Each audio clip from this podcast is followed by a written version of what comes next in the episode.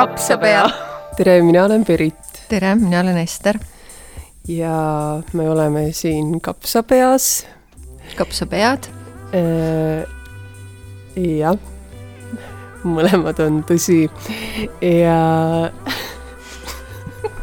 aga mitte tõsised ja, ja täna me siis äh, arutleme arutleme selle üle äh, kuidas oleks veeta päev mõne kirjanikuga või, või kirjandustegelasega või kirjandustegelasena mm? -hmm. jah, ja meil oligi üleskutse pealkirjaga Mis oleks, kui ja me palusime siis kõikidel julgelt unistada ja seda me ka saime. ja juhtus nii, et äh, päevast lemmikkirjanikku ka võis saada öömuumi trollina. ja oli inimesi, kes tahtsid midagi küsida, oli inimesi, kes tahtsid vaikida, mõni tahtis lihtsalt armastada. jah ja,. siis kirjanikku või tegelast? tähendab, et nagu jah või mõlemat nii, nii kui ka. jah, nii kui ka. aga noh, soojenduseks soojenduseks üks lugeja mulje mis äh, näitab minu arust suurepäraselt seda, et äh, hea raamat äh, võib olla kaaslane terveks eluks või siis mingisugustel etappidel sinu elus. ja loen siit siis ette minu kaaslasteks sel unistuse päeval oleksid D'Artagnan ja kolm musketäri. Пора, пора, порадуемся на своем веку Красавице и куку, счастливому клинку ja mu sünniaastast tulenevalt oleksid nad Odeskaja kinostuudio seitsmekümne üheksandal aastal vändatud filmi nägu. tegelikult on need kolm meest saatnud mind läbi elu ning olnud kallid ja olulised erinevatel põhjustel.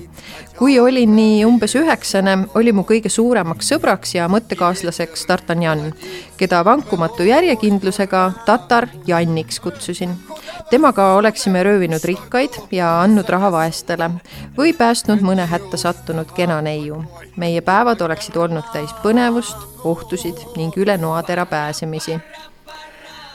teismelisena paitas mu südant Aramis, sest ta oli ju nii ilus ja tundeline ja üldse, ah, mul ei oleks mitte midagi selle vastu olnud, kui neid serenaade oleks lauldud ja väikseid valgeid lilli kingitud just mulle aga kahekümnendates ülikoolipäevil pälvis mu tähelepanu Aatos, sest ta oli nii tark ja kogenud kogu ta olekust õhkas sellist melanhoolset valu ja kui kurvad silmad.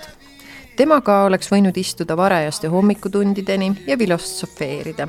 ja ma mõtlesingi, et nii jääb, sügaval sisimas salaja oodates ja imestades, kas on võimalik, et ka Portos pääseb troonile. see on see väike cliffhanger ja see juhtuski yes..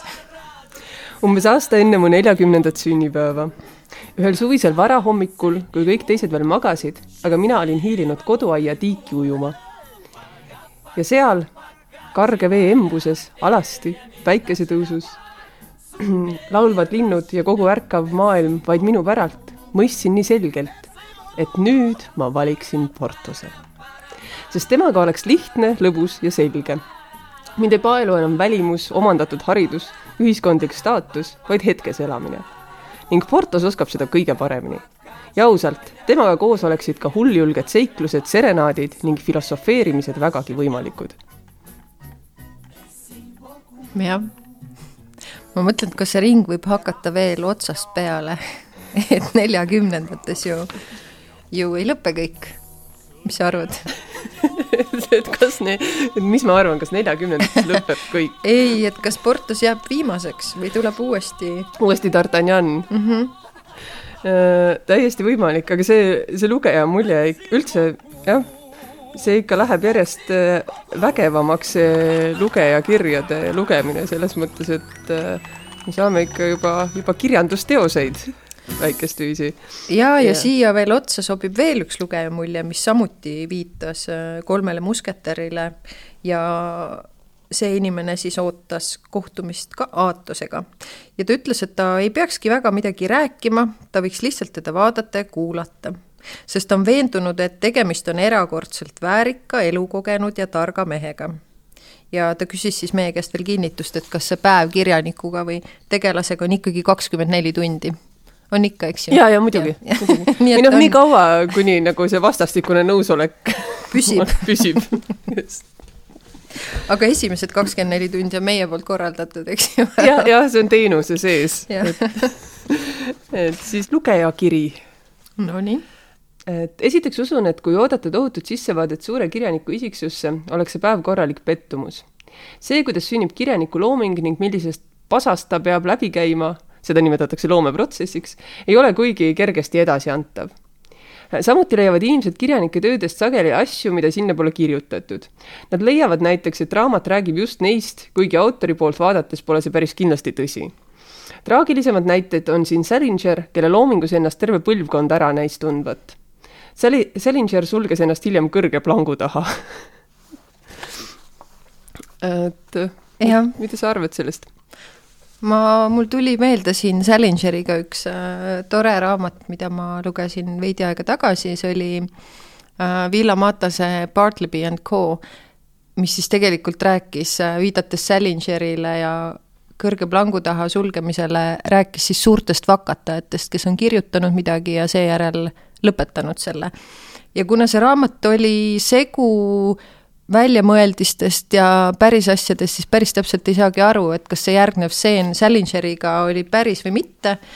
aga ta kirjeldab siis, äh, autor kirjeldab, kuidas ta ühes äh, New Yorgi linnabussis äh, märkab Salingeri, kelle kõrval istub kohutavalt kaunis naine ja ja see on siis edasine, on tema selline sisemonoloog, mis oleks, kui ta läheks Salingeri juurde ja tunnistaks, et ta armastab teda ja muidugi ta tahab teada, miks Salinger rohkem ei kirjuta.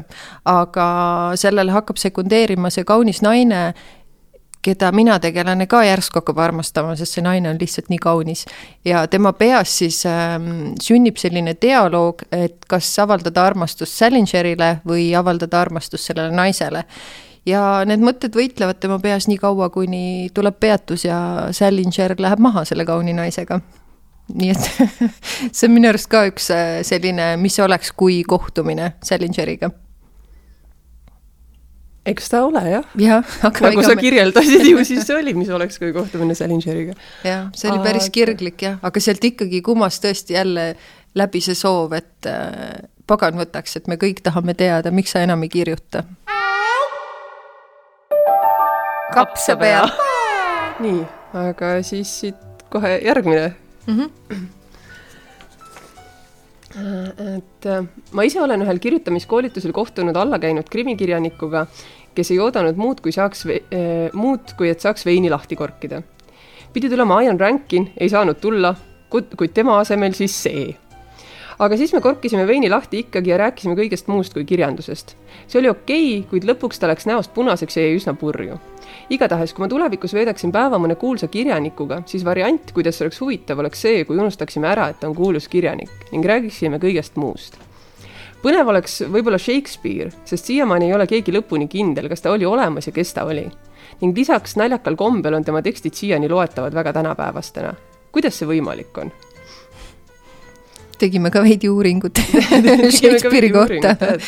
selgus, et äh, selle härrasmehe elu siis äh, selle ajastu standardite järgi, kus ta elas, on siis märkimisväärselt hästi dokumenteeritud, aga mitte tuvastatav kui kirjanikuna, vaid äh, tuvastasime väga palju teisi ameteid, mis näitasid äh, teda siis äh, näitleja, teatrifirma aktsionärina, rahalaenajana, kinnisvarainvestorina ja oli ka toodud välja, et ajas väikeseid kohtuasju ja talle määrati ka lähenemiskeeld nii et äh, mees, mees oli olemas, aga me ei tea, kas ta kirjutas äh, jah, ja siis veel on spekuleeritud Shakespeare'i puhul ka sellega, et kas ta üldse oli mees. just. et, äh, et võimalik, et Shakespeare oli ka naine, aga samas praegu seda, seda kuulates, noh, see on natuke nagu Jeesuse fenomen juba. selles mõttes, et, et, et umbes, et kuidas võimalik, et mitmest isikust saabki nagu ajaloomälus üks isik et sulatatakse kokku, et noh, et nii palju erinevaid profiile, et noh, nad võisid olla ka kirjandusrühmitus näiteks. Et või, või mingisugused autorid et.... jah, miks mitte? Ja siis ma leidsin veel sellise asja, et on olemas rühmitus skeptikute kogunemine siis, kes, kes arutlevad iga aasta, kes siis see Shakespeare ikkagi oli ja mis sugu ta oli. Ja seal oli väga tore lause ühelt ähm, sellesama artikli autorilt, et ähm, inimesed on olnud pettunud nendes autoriteemalistes vaidlustes, mis ei vii kuhugi, kuid just sellepärast, et halbu kandidaate on olnud kakssada aastat. nii et see, see arutelu on käinud pikalt ja mm -hmm. ei ole tekkinud ühtegi head kandidaati jah, ja tegelikult see mõte ju lõpeb sellega, et halbu kandidaate on olnud kakssada aastat, kuna ei ole pakutud ühtegi naist. et äh, võib-olla see tooks selle pingelõdvenduse sellesse protsessi. aga selle mm, lugeja mulje või lugeja kirja juurde tagasi tulles veel korraks, et et noh, siit tuleb samamoodi see välja, mis tõenäoliselt ikkagi valdavalt, ma ei tea, senise elukogemuse põhjal ise mõeldes ka, on tõsi, et noh, et ma ei tea, kirjaniku või noh, looja parim osa tihtipeale väljendubki ikkagi tema loomingus ja, ja see, kui sa äh, loodad leida loojaga loojaga suheldes, kirja, ma tahaks, et tõmbaks seda muud ka natuke väiksemaks, et äh, kirjanikuga suheldes nagu äh, ma ei tea, temas seda inimest, keda sa arvad nägevat tema loomingus, et siis võib jah, käriseda küll. Pole vaja, pigem mm, -hmm. pigem ei ole vaja. no muidugi jah, ja see, see aspekt ka, et, et äh, kes ikka tahaks nagu päeva veeta niimoodi andunud fännina, et ikka nagu pigem ju mõttekaaslasega. või kes tahaks päeva veeta andunud fänniga ei tea, aga mõlemaid võib olla, selles mõttes, et jällegi jah, tõsi. noh, mõned ju isegi abielluvad sama dünaamika pinnalt. tõsi aga siia kohe minu arust Shakespeare'i juurde sobib üks teine autor, kelle isik ei ole siis ka kindel aga kes on äh, väga populaarne. Ja üks lugeja mulje siis viitab, et tema tahaks kohtuda Helena Ferrantega, kes on Napoli lugude autor. Ja et see oleks tõenäoliselt ka pimekohtingu moodi kohting, sest autor on ju saladus. aga ma tahaks temaga kõndida mööda Napolit, avastada, kust on sündinud need lood, kui palju on selles päriselu ja päris inimesi. Ja kas ta on ennast sinna ka natuke sisse kirjutanud ja tegu on siis äh, lugudega, mis on tõesti hiti staatuses ja esimesel koroonakevadel näitas ka ETV2 äh, sarja Minu geniaalne sõbranna, mis on siis nende raamatute põhjal loodud.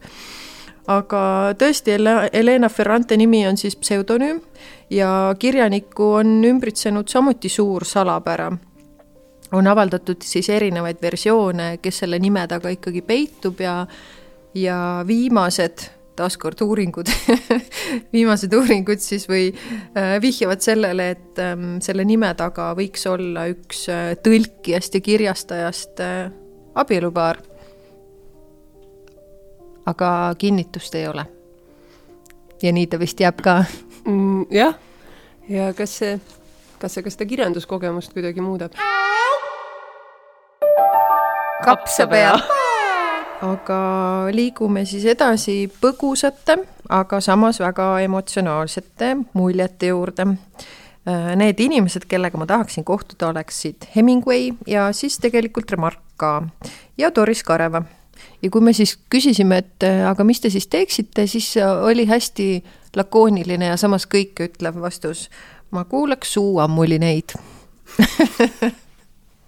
miks mitte jah, kui, kui nad tahavad rääkida. kui nad soovivad, jah. ja, ja veel teine väga armas, mina tahaksin äh, Gerald Darrelli ja tema perega Vahemere ääres pikniku pidada. ja siia mul kohe tuli meelde sari, mis äh, jooksis ETV-s ja mis tõepoolest oli täis äh, soojust, nalja, mõnusaid toite, sellist korralikku Itaalia pärast perekonda, kuigi nad ei olnud itaallased, eks ju, aga selline äh, valjud arutelud ja tülid ja, ja lõbusad seigad olid vist nende nagu igapäevased kaaslased mm. -hmm. nojah, itaallased on ka jah, kultuuriliselt monopoliseerinud sellise, sellise peremudeli yeah.. et, et noh, ega Kreeka ja Hispaania pered on vist üsna samasugused ja Portugali no, pered. aga muidugi Tarrelid olid britid selles mõttes. no just et..., just seda ma, sellele ma viitangi. aga eks aga keskkond kujundab. ja, ja see lopsakas loodus ja, ja armastus loomade vastu ja kõik see, et äh, sellele piknikule läheks isegi. jah nii, aga nüüd siis äh, natukene fanfiction'it. et äh, meile laekus ka lugejakiri, äh, mis siis spekuleeris selle üle, et kuidas oleks veeta siis päev või, või öö ühe kirjandustegelasena. ja kõlab see siis nõnda. ma olen ikka mõelnud, mis tunne oleks olla muumipapa. eelkõige pakub huvi see kehaline pool et kui päevatoimetuste lõpus jääme muumimammaga kahekesi oma magamistuppa, et mis tunne see on, kui libistada oma käega tasakesi üle muumimamma valge sileda selja. on see, on see jahe või tugev või vetruv või niiske või kuiv? kuidas ta reageerib minu puudutusele? kuidas muumimamma lõhnab? kuidas me üldse suudleksime nende suurte täispuhutud koonudega, millel pole isegi suud, huultest rääkimata? ja siin siis tõstatuvad mitmed äh, eksistentsiaalsed küsimused äh, äh, muumide paljunemise kohta ka. Ja, ja see stseen siis kulmineerub sellise seksuaalse frustratsiooniga, mis on tingitud sellest, et, et muumidel teadaolevalt, inimestele teadaolevalt puudub siis soo jätkamiseks tava, tarvilik atribuutika jah, ja ma loen, kuidas see kõik siis lõpeb, eks ju. kui nad siis avastavad, et äh, see kõik on puudu. ja viimasel hetkel ning siis me kukume koos karjuma vihast, frustratsioonist. rebime seinalt Tove Jansoni pildi ja peksame selle kildudeks. ühesõnaga, jälle üks rikutud öö. hommikul aga istume koos lastega söögilauas, kohv aurab, pannkoogid lõhnavad ja minu ning muumimamma nägudel on ees vaprad ilmed, justkui poleks kunagi midagi juhtunud. täiuslikult ära hallatud olukord. Aga mulle meeldib, et seal kodus on Tove Janssoni pilt ikkagi seina peal. see on sest äh, iga tegelaskuju kodus on autori pilt. Jah, eks see on ka omamoodi ikonograafia. See oleks päris lahe tegelikult ja no vot äh,, aga siia otsa, kuna me ikkagi, see oli lugu ka armastusest siis siia otsa sobib üks teine lugeja mulje, mis on väga napp, aga ütleb ometigi kõik. muidugi oleks see inimene Mr Rochester ja pole raske arvata, mis ma teeks. armastaks. jah mis temaga muud ikka teha aga räägi põgusalt, kes see Mr Rochester oli üldse mina teda muidugi väga hästi ei tunne, aga, aga ta oli selle, selle Jane mees. Jane, Jane Eyre'i mees siis. jah. mees ja majaisand. majaisand, maja. tema majaisand jah, hiljem, hilisem abikaasa, esialgne majaisand. ja, ja see on tegelikult huvitav, sest äh, ma ikkagi tihti mõtlen selle peale, et kuidas kinnistuvad meile tegelaste tegelaste siis see visuaalne olek läbi erinevate seriaalide ja filmide mm. -hmm. ja et kui me nüüd siis guugeldasime Mr Rochesteri siis valdavalt äh, tulid ikkagi väga kaunid vasted jah, ega. et mõistetav jah, aga kui me ei oleks näinud mitte keegi ühtegi filmi äh,, siis kui palju erinevaid tegelaskujusid meie peas siis oleks? et sama nagu see viide kolmele musketärile et äh, seitsmekümne üheksanda aasta filmi tegelaskujud, kui me loeme, me mõtleme neile. Äh, aga järgmine lugeja mulje, Berit, see mhm. on siis sinu lugeda. suur tänu äh,. alguses mõtlesin, kas ma üldse tahaksin ühegi oma lemmikuga kohtuda. Selju lihkaks pigem olla kärbes seinal, kui ta teeb tööd või arutab maailma asju oma kolleegidega. Vaataks kõrvalt, kuidas Piret Raud oma pilte loob või mis jutte rääkisid omavahel luuletajate kolmik Kallen, Rangoi, Kivisilla, kui nad tollel tuulisel saarel luulekogule kolm sõlme aluse panid. jah, selle, sellise hoiakuga võiks isegi minna kärbseks, jah. kärbseks, jah, aga ma jätkan sedasama muljet. Äh, siis aga avastasin äh, Sven Nordqvisti Betsoni ja Finduse lugude kogumiku ja ma tahaks väga, et minu laps kohtuks temaga. Äh, sest vanameistrile meeldib teadupärast kohutavalt oma töötoas asju ehitada. minu poisile ka, las siis meisterdavad. ja kuigi olen alles neljakümnendates naine, tunnen tohutut hingesugulust vanamees Betsoniga, kes oma majapidamises tasakesi toimetab ja pidevalt mingitesse sekeldustesse satub ning oma kassiga räägib. ja ausalt öeldes on Finduse tegelaskuju justkui minu poja pealt maha kirjutatud jah, selle, selle muljega ma olen ka väga päri, sest äh, Betsoni ja Finduse lood on tõesti sellised üliarmsad ja see, see armas suhe, mis on väiksel kassil ja, ja leiutajast vanamehel, et nendest on tehtud suurepärased äh, kihvte multifilme ja jah, ma arvan, et sellise vanameistriga võiks iga laps kohtuda mm. -hmm aga liigume siis vanameistritega vähemalt kaude edasi. järgmine lugejamulje. mina tahaksin Käbi Lareteiga klaverit mängida, jalutada Šveitsi mägedes ning rääkida elust, muusikast ja meestest. et see on tõesti väga, väga lüüriline. et kuigi ma ei saa salata mm, seda lugejamuljet lugedes ma hakkasin mõtlema, et kas oleks võimalik rääkida Käbi Lareteiga mõnest mehest peale Ingmar Bergmani veel. et äh, aga eks see selgub siis, kui tema hakkab sellest rääkida. võib juhtuda, et ta ei taha üldse Ingmar Bergmanist rääkida nüüd siis järsku enam ei taha. no hetk on uus jah, seda küll jah. iga hetk on uus võimalus Ingmar Bergmanist mitte rääkida aitab küll. aga järgmine inimene ütleb, et ta on päriselt oma lemmikautoriga kohtunud ja juhtus see nii, et ei osanudki unistada ja tegu on siis autoriga nimega Anna Jacobs ja kõige põnevam on siis see, ütleb lugeja mulje, et tema raamatud on nii lihtsad ja tervendavad mu sügavas depressioonis lugeda. ja muidugi, kui Anna tuli külastama kohalikku raamatukogu Inglismaal, siis kasutasin ma loomulikult seda vaimustavat võimalust, et nautida seda võluvalt targa ajaloolase ja tuntud kirjanikuga kohtumist ning et tänada teda imeliste raamatute eest päris mitmest muljest tegelikult äh, peegeldus see tänu minu arust ka, et kui oleks võimalik äh, autoriga kohtuda, siis äh, tahaks öelda lihtsalt aitäh, et äh, neid elamusi on pakutud. nii, aga lähme siis edasi mm. -hmm. järgmine kiri. minul tulid kohe pähe Bronti õed, ma ei, ma ei aima ka seda, kas ma tegelikult seda õigesti hääldan, aga aga ma olen lihtne Ida-Euroopa naine, ma ei peagi neid väljamaa nimesid oskama öelda. Äh, lihtsalt sellepärast, et oleks põnev aru saada, mis pani neid kirjutama. mida päriselt tähendas sel ajal naisena kirjutada ja kust täpselt nende inspiratsioon tuli?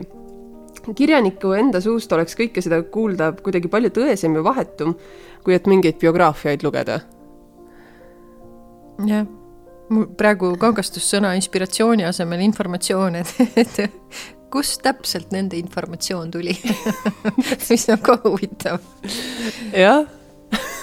Kust? ega nagu ei teagi. Ega, ega tegelikult ei tea ka seda jah, aga, aga tõsi, selles mõttes, et äh, mm, ma ei, jah, lähme edasi. no lähme edasi, lähme Goethe juurde, sul oli selle kohta, selle kohta üht-teist, üht-teist öelda no ei, tõesti jah, võtan nüüd siin selle no lase tulla. hetke, et Goethe kohta üht-teist öelda äh,. alustame siis lugejakirjast. Goethe. räägiksin noore Wertheri kannatustest ja sellest, mida see raamat alustas ja ka sellest, mida ta arvaks äh, enda üldisest mõjust teistele autoritele. muidugi tahaks otse allikast uurida tema elukohta äh, sellel ajal, kui ta elas ja, ja tõesti, Goethe Noore Werteri kannatused oli siis, oli siis see raamat või, või teos, mis tegi Goethest äh, kuulsa kirjaniku ja võiks öelda isegi, et kurikuulsa kirjaniku. et selle raamatu peategelane on siis äh, noor aadlik Werther, kes siis armastab Lottet äh,, aga Lotte jällegi on kihlatud teise mehega ja siis noh see Werther nagu ei suuda sellega elada niimoodi, et lõpuks ta mõtleb selle olukorra nii kaugele, et ikkagi üks neist kolmest peab surema selleks, et see pinge nagu lõdveneks selles olukorras. ja, ja altruistliku inimesena võtab ta siis vastu otsuse, et see, see peab olema muidugi tema. ja, ja siis ta sooritab enesetapu. ja äh, kui tõesti selle raamatu ilmumise ajal äh, aastal siis tuhat seitsesada seitsekümmend neli, et äh, et see raamat sai tohutult populaarseks, esiteks paljud aadli noormehed hakkasid jäljendama Wertheri eh, riietumisstiili mm -hmm. ja mida oli siis seal teoses kirjeldatud eh, äratuntavalt. Ja, ja sellele raamat, selle raamatu ilmumisele järgnes ka tõepoolest eh, enesetappude laine noorte aadlike hulgas, et ja, ja tihti siis leiti ka sealt suitsiidipaigalt seesama teos ja see siis eskaleerus nii kaugele, et äh, tuhande seitsmesaja seitsmekümne viiendal aastal tegelikult juba äh, äh, keelati see romaan ära äh,. et, äh, et nii, nii Saksamaal mõnes paigus kui ka äh,, kui ka Taanis ja Itaalias. ja, ja võib-olla tänapäeval seda lugedes noh, selles mõttes ka, et, et see on nagu noh, päris, päris sür tekst, et ega ta psühholoogiliselt nagu väga veenev ei ole, ma arvan, juba nagu Äh, täiskasvanud inimesele mm. -hmm. et, äh, et see tundub noh, hästi niisugune ülemõeldud äh, olukord või noh, selline üsna nagu mingis mõttes lihtsakoeline, aga, aga huvitav jah, et, et ka see, et, et mis ajas mingi, mingi tekst, mis nagu efekti võib saavutada. aga mm, lähme Goethe juurest Markesi juurde ja üks lugeja mulje ütleb, et ähm, Gabriel Garcia Marquesiga lesiksin sõudepaadis mõnel väikesel jõel, vaataksin taevast ja uuriksin tema mälestuste kohta Montessori koolist, kus ta olevat käinud. see on minu arust hästi huvitav lähenemine, et äh, uurida hoopis millegi muu kohta, kui autor on kirjutanud. ja tõepoolest äh, Marques õppis siis Montessori koolis ja ta ütles, et ta oli väga õnnelik selle üle, et ta sai seda teha, sest äh, kuulsal autoril oli probleeme lugema õppimisega lapsepõlves ja tema väitel siis Montessori koolis, kus äh, kõik käis läbi mängu, aidati tal siis äh, avastada lugemist kui midagi väga, väga imelist.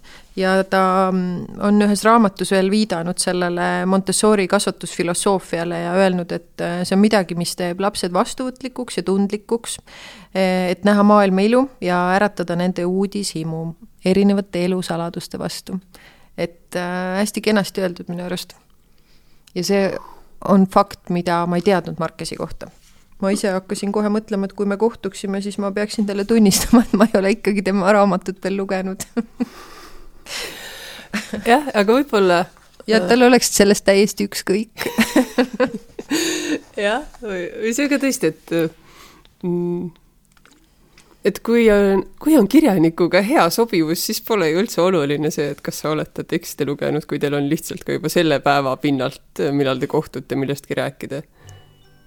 jah, just ja tõepoolest, tõepoolest jah, olla vastuvõtlik ja tundlik. jah, rääkida vastuvõtlikkusest ja tundlikkusest. jah, aga tundlikkuse juurest siis ähm, ma ei teagi, kuidas seda maailma nimetada, et kas see Äh, on selline vorm eskapismi vorm või hedonismi vorm, ma ei tea, mis sa arvad, et kui sa tahaksid, äh, siis päris mitmed lugejad soovisid kohtuda kas Terry Pratchetti enda või siis äh, tema tegelastega, nagu näiteks Nanny Oak või politseinik Porgand või isegi Surm.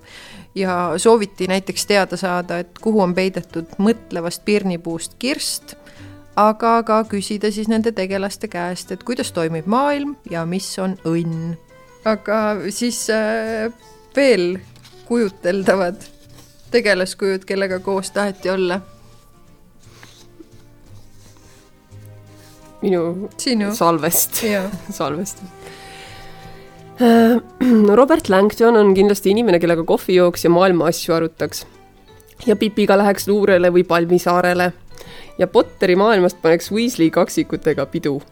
Et äh, Robert Langton on siis Dan Browni lugude peategelane, keda filmis mängis Tom Hanks. Ja, ja ta ema oli siis Harvardi ülikooli kunstiajaloo professor. Äh, kas sa oled Dan Browni lugenud? ei ole, ma olen äh, vaadanud sedasama Tom Hanksiga filme. Ja jah, Tom Hanksiga kohtuks ise ka. Tom Hanks on selline isu tekitaja ja siis me guugeldasime neid Weasley kaksikuid ah, ka veel erinevates vormides, eks ju. ja le leidsime huvitavaid taaskord artikleid ja, ja hüpotees, et kas näiteks äh, Weasley kaksikud võiksid olla David Bowie pojad jah, selline kena fotomontaaž on leitav siis. aga pigem mõlemad jõudsime sinna, et nad on äh, rohkem nagu Ivan McGregori moodi pojad vennad. ja järe, tema moodi järelikult tema pojad. just. jah ja. Ma ei ole ka harjunud teisiti mõtlema. nii teisiti mõtlema. aga aina edasi. Järgmine lugejakiri siis oleksin Kristiina Lauritsa tütre kõrval ja ammutaksin väge tema iseolemisest. ja keerleksin Scott Fitzgeraldiga tormakas seltskonnaelus, sest meie ju teame, et kõik ei ole kunagi nii, nagu paistab. et Kristiina Lauritsa tütar on tõesti, ta on nüüd uuesti just välja antud, ma vaatasin mm -hmm. eesti keeles. et äh, peaks lausa hankima. aga, aga selles mõttes, et minu jaoks äh, oli see ka selline äh, teos või, või romaan äh,, mida ma, ma arvan, et ma lugesin seda siis, kui ma olin neliteist või viisteist ja ma mäletan nagu, ma mäletan seda lugemismõnu, aga ma ei mäleta ma mäletan mingeid üksikuid stseene seal ka, seal oli mingi hästi pikk nagu nurgavoodis olemise kirjeldus. Ta jättis tohutult nagu sügava mulje, mitte ainult see, aga, aga kogu nagu see noh, maailm ja kuidas see oli nagu välja joonistatud, see keskaegne Norra aga mm -hmm. et, et noh, lihtsalt see, see maastik on kusagil mu, mu sees olemas ja, ja ma ei pääse selleni. aga mingi põhjamaine kargus, mingisugune jah. igatsus, aga mitte nagu äng mm, -hmm. mingisugune ilu oli seal, on ju, aga ka tohutu läbi tohutu raskuse. jah, et see oli hästi karm, aga samas ta oli kuidagi suursugune või, või nagu mingi teistmoodi suursugune kui äh, Fitzgeraldi peod, eks ju Gatsby's või Sumedas öös äh,? Loen praegu erinevatel eluolulistel põhjustel uuesti üle Nancy Houstoni loomispäevikut, mis vist on üks ilusamaid raamatuid üldse. kui ma saaks laua taha sellesama vast loomispäeviku lõpetanud Houstoni ja kui õnnestuks meelitada kohale ka just see Janet Winterson, kes on pannud punkti romaanile Kehale kirjutatud, siis poleks mul tervet päeva vajagi. piisaks ühest pikale veninud õhtusöögist. ma tahaks nendega rääkida kehadest oma kehas olemisest ja sellega seotud tunnetest, millest olen viimasel ajal palju mõelnud. Teiste kehadest, ühiskondlikust huvist meie kehade vastu ja survest. ja sellest, kuidas või miks mingites eluetappides on paljudel naistel tunne, et nende kehad ei kuulu neile. ja loomisest. mis see nende jaoks on? miks nad seda teevad? ma loodan, et mul oleks julgust nendega lobiseda nagu vanade sõpradega. jah, see on tõesti hea plaan ja ma selle mulje peale otsisin äh, riiulist välja selle raamatu, ma olen seda kunagi lugenud, aga ilmselgelt liiga põgusalt, et nüüd ta ootab teistkordset lugemist. ja teine siin lõigus äh, mainitud autor ja, ja teos, et Jeanette Wintersoni kehale kirjutatud äh, on ka jah, soovitaks kõigile et mhm. või noh, lihtsalt isikliku kogemuse pinnalt, aga, aga mingis hetkes oli minu jaoks ka vist üks nagu elu muutvaid raamatuid, mulle tundub.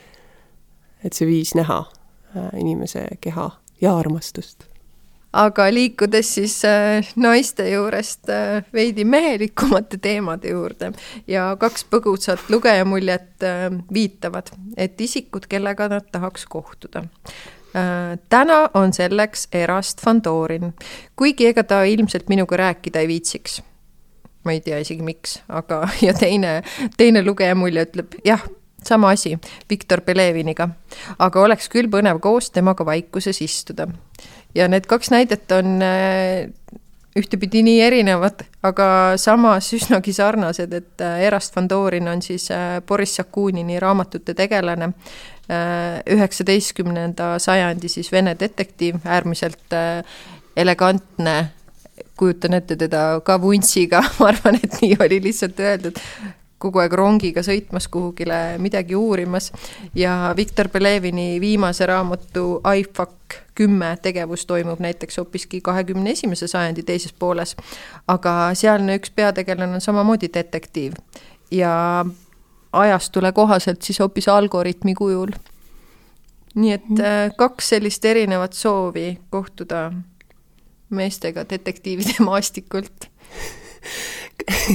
ma hakkasin mõtlema, et tegelikult see vaikuses istumine, et mõtlesin küsida, et kellega sina tahaksid vaikuses istuda?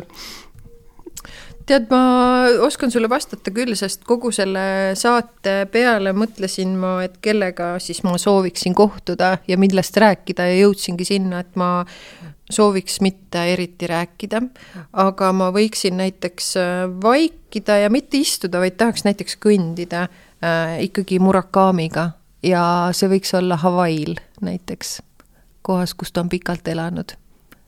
Koht, mida ta kindlasti tunneb ja koht, mille kliima mulle ka sobiks, et sellist äh, paar varahommikust jalutuskäiku me võiksime küll teha. ja ma nagu pakun, et ta ise ka väga ei tahaks vestelda mm. -hmm. aga sul? jah, tegelikult ka võib-olla selle äh pigem, pigem koos vaikida või rääkida mingisugustest äh, suvalistest asjadest väga, väga mõõdukalt äh, võiks ikkagi hästi äh, argistest, mulle meeldiks hästi argistest ka rääkida, nagu ma ei tea, kas ma panen su kohvi sisse suhkrut või näe, läheb vihmale täiesti mõttetut vestlust pidada. jah, ma isegi vist, ühesõnaga jah, lõpetades nüüd oma mõtte, et äh, ma arvan, et tead, et võiks, võiks kõndida mõned kilomeetrid ikkagi voolandi kõrval. Et äh, mida, mida vanemaks ma saan seda tugevamaks see soov muutub. et äh, selles mõttes, et tegemist on ikkagi nagu noh,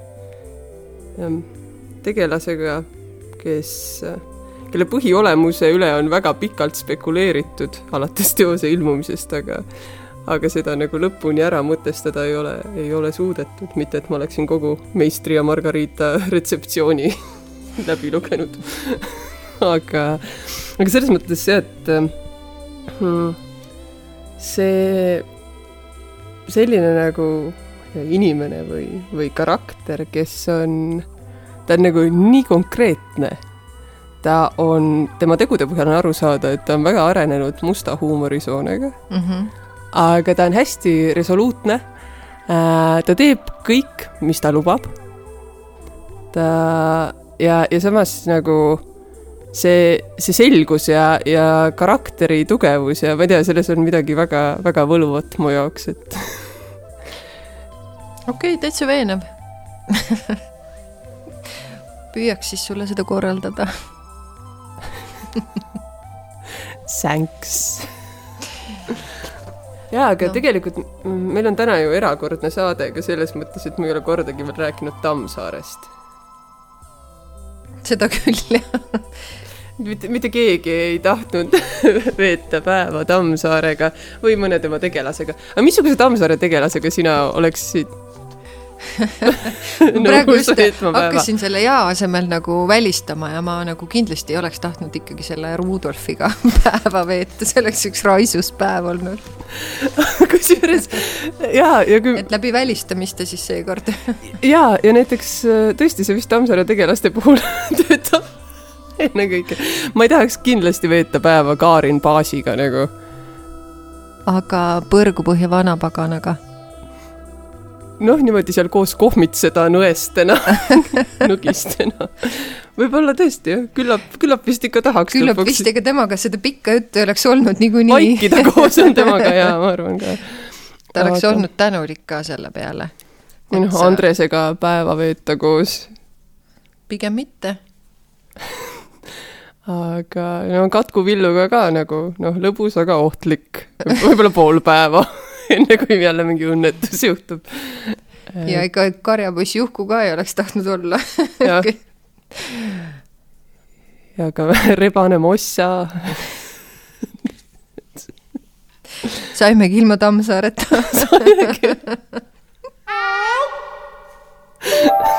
Jah